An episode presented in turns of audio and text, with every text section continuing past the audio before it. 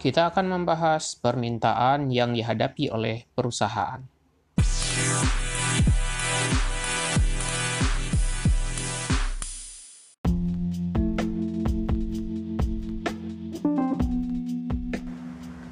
Pada bagian sebelumnya, kita sudah membahas tentang permintaan individu dan permintaan pasar.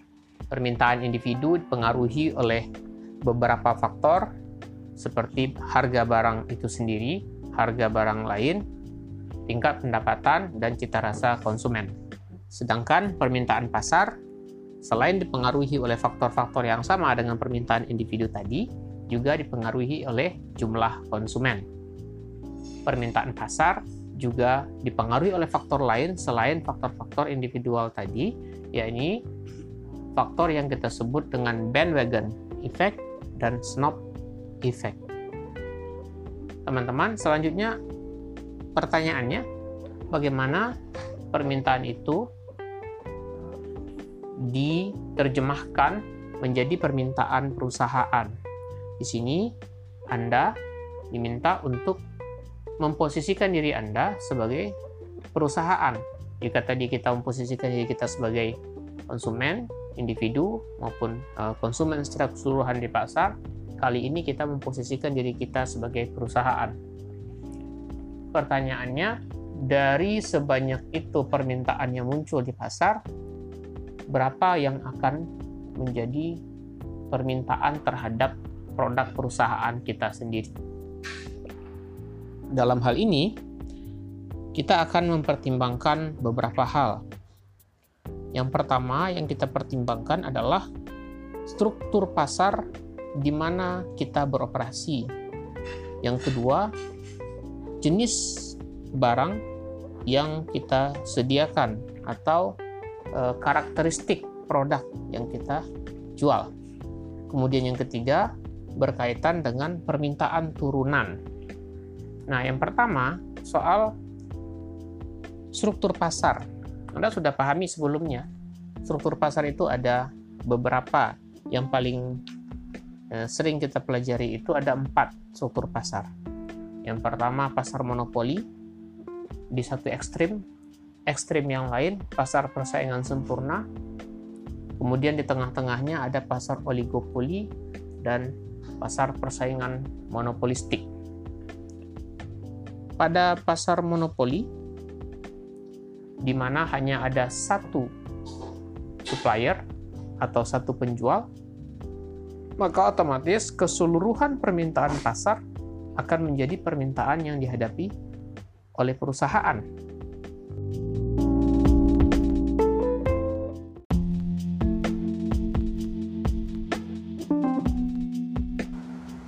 Apakah itu berarti bahwa dalam pasar monopoli kurva permintaan tidak berlaku?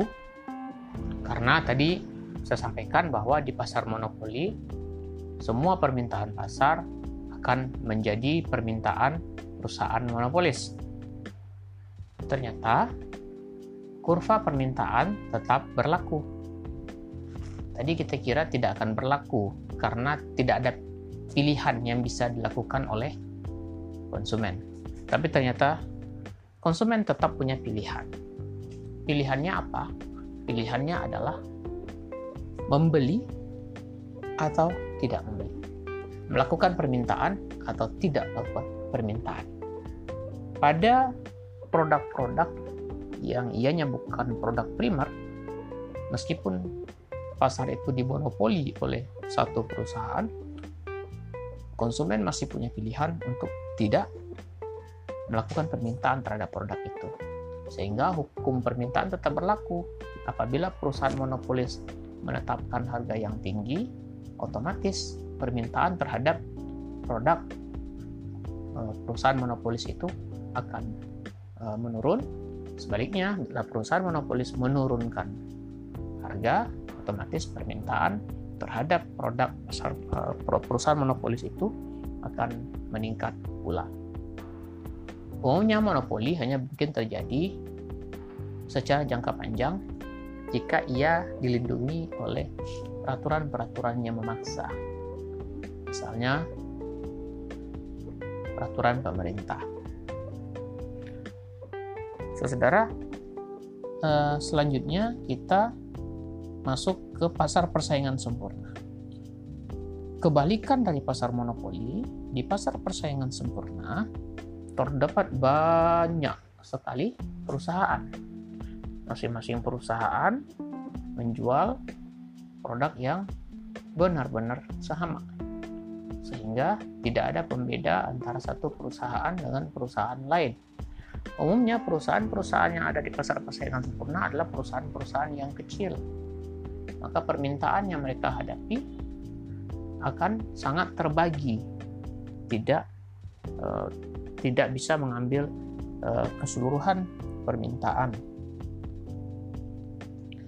Oleh karena itu, di pasar persaingan sempurna, eh, perusahaan-perusahaan tidak mungkin menjadi price maker atau pembuat harga, penentu harga. Yang terjadi adalah perusahaan menggunakan harga yang sudah ada, yang sudah ditetapkan oleh pasar melalui mekanisme pasar. Apakah mungkin perusahaan menaikkan harga? Mungkin, tapi ia akan kehilangan permintaan. Serta merta ia akan kehilangan permintaan. Karena para konsumen akan dengan mudah mensubstitusi produknya, mensubstitusi, konsumsinya kepada perusahaan lain yang produknya juga sama. Apakah mungkin ia menurunkan harga untuk mendapatkan uh, konsumen sebanyak mungkin? Uh, nanti di bab selanjutnya akan kita bahas. Jawabannya adalah tidak mungkin. Karena di pasar persaingan sempurna, semua perusahaan akan berusaha menurunkan harga serendah-rendah mungkin sehingga tidak mungkin lagi harga itu diturunkan lebih rendah lagi. Demikian permintaan di pasar persaingan sempurna itu eh, akan menghasilkan kurva yang bukan miring ke kiri seperti yang biasa kita lihat di kurva permintaan, melainkan kurvanya berbentuk datar. Artinya pada satu tingkat harga semua permintaan mungkin terjadi. Baik permintaan sedikit, permintaan banyak, semuanya terjadi pada satu tingkat harga yang sama. Kemudian, di antara pasar persaingan sempurna dengan pasar persaingan monopolistik, maaf, antara pasar persaingan sempurna dengan pasar monopoli, ada namanya pasar oligopoli. Pasar oligopoli itu seperti yang sudah Anda pahami sebelumnya, di mana dalam pasar itu hanya ada sedikit supplier atau sedikit penjual. Jadi kalau monopoli hanya satu penjual, pada pasar oligopoli ada sedikit penjual. Biasanya satu atau dua penjual yang mana karena di pasar ini hanya terdapat sedikit perusahaan dan barang-barangnya relatif homogen atau terstandarisasi, uh, maka muncul ketergantungan antar sesama perusahaan. Jadi antar perusahaan itu akan saling mengikuti, saling mengintip, saling uh, berhadapan satu sama lain, sehingga uh, konsumen itu akan Eh, terpaksa harus memilih antara satu perusahaan dengan perusahaan lain dan ketika ia memilih uh, mengkonsumsi dari perusahaan A otomatis nanti perusahaan B akan membuat kebijakan lagi akan membuat strategi lagi berdasarkan perilaku konsumen kepada perusahaan A dengan tujuan untuk menarik konsumen itu pindah ke perusahaan B dari ketika perusahaan B mendapatkan konsumen perusahaan A juga akan membuat strategi baru untuk menarik lagi konsumen ke ke perusahaan A. Jadi di sini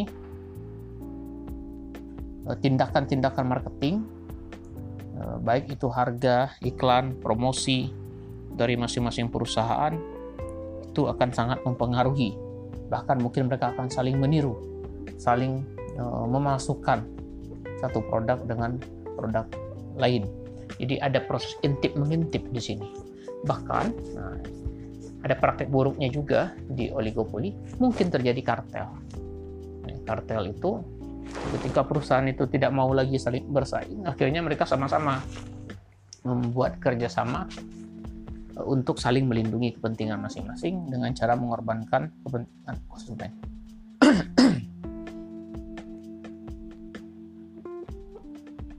Di jenis pasar selanjutnya adalah pasar persaingan monopolistik di sini kurvanya tetap kurva yang negatif ya sama di dengan dengan kurva permintaan uh, umumnya di mana di sini sebenarnya ada elemen monopoli ya ada elemen monopoli tapi juga ada elemen pasar persaingan sempurna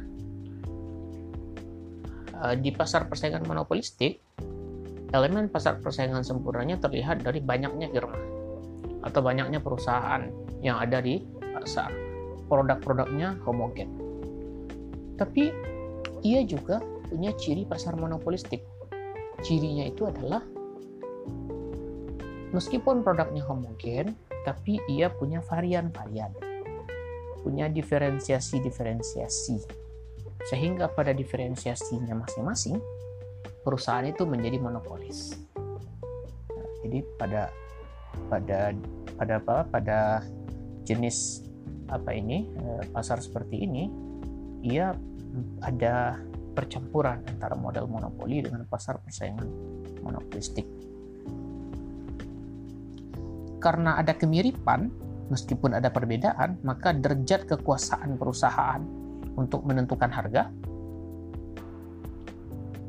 tidak sebesar uh, kekuasaan untuk menentukan harga di pasar monopoli.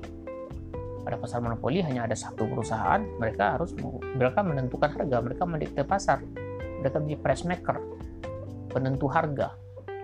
Tapi di pasar persaingan monopolistik mereka bisa menentukan harga di segmennya, di di varian yang mereka punya, tapi tidak benar-benar bisa menentukan harga karena walau bagaimanapun orang atau konsumen atau uh, apa uh, pembeli pasar masih bisa mensubstitusi produknya ke produk-produk dari perusahaan lain walaupun tidak persis sama. Kemudian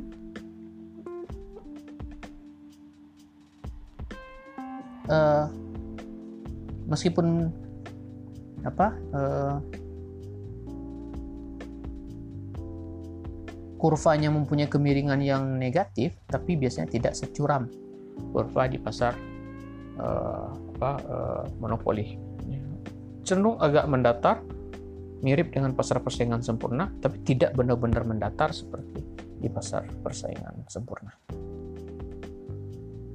So saudara itu beberapa faktor uh, apa perilaku permintaan yang dihadapi oleh perusahaan berdasarkan jenis-jenis struktur pasar yang mereka hadapi. Sebagai perusahaan kita harus memahami struktur pasar di mana kita beroperasi. Yang kedua, dalam hal permintaan yang, di, yang dihadapi oleh perusahaan itu juga bergantung pada jenis barangnya. Ada barang yang non durable goods ya, ada yang durable goods. Barang-barang yang non durable goods misalnya barang-barang yang tidak tahan lama. Bahan makanan misalnya tapi ada barang yang durable goods barang yang tahan lama.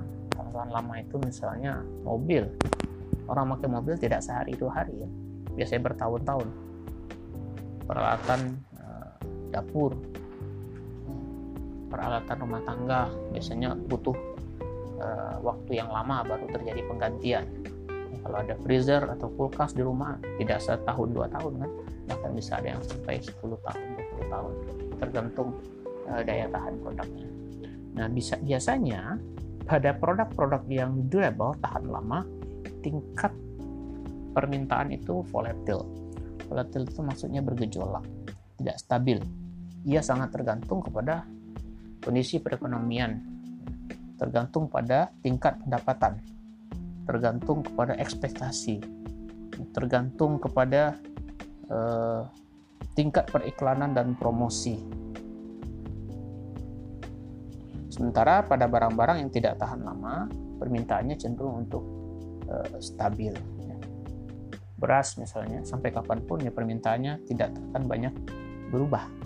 Kecuali pada saat-saat tertentu saja itu juga tidak signifikan perubahannya.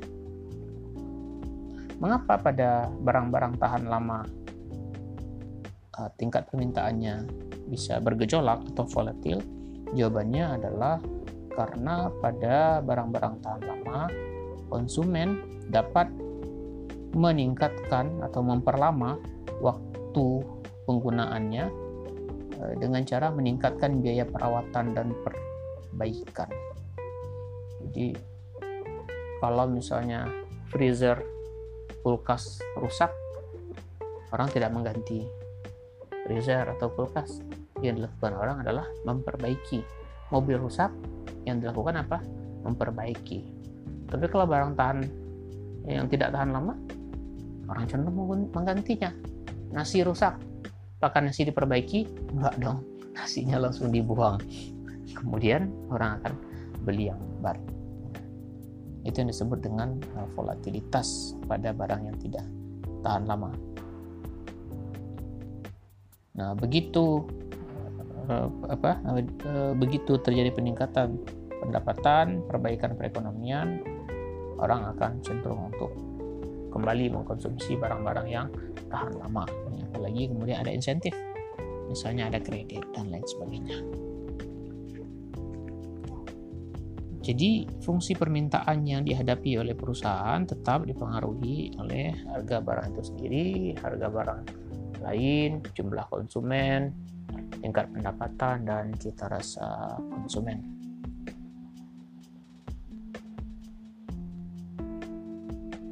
Kemudian eh, permintaan yang dihadapi oleh perusahaan itu juga ada yang berupa permintaan turunan atau derived demand. Permintaan turunan itu adalah permintaan yang muncul karena perusahaan lain akan membeli barang-barang produksi akibat dari munculnya permintaan. Jadi maksudnya barang-barang produksi itu adalah barang-barang yang akan digunakan untuk proses produksi seperti bahan baku atau mesin-mesin atau input-input produksi yang seharusnya di, eh, dimiliki oleh perusahaan untuk menghasilkan barang dan jasa.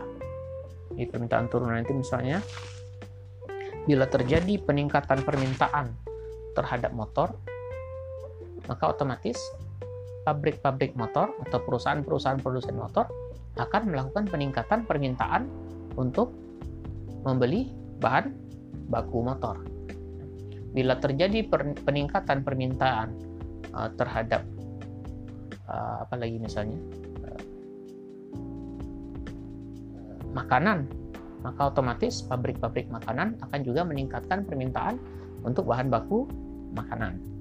Itu namanya permintaan turunan jenis-jenis permintaan terhadap uh, apa barang-barang produksi atau yang disebut juga dengan producer goods barang-barang produksi itu juga dipengaruhi oleh jenis barangnya juga. Jadi ada barang-barang produksi yang tahan lama ada barang produksi yang tidak tahan lama.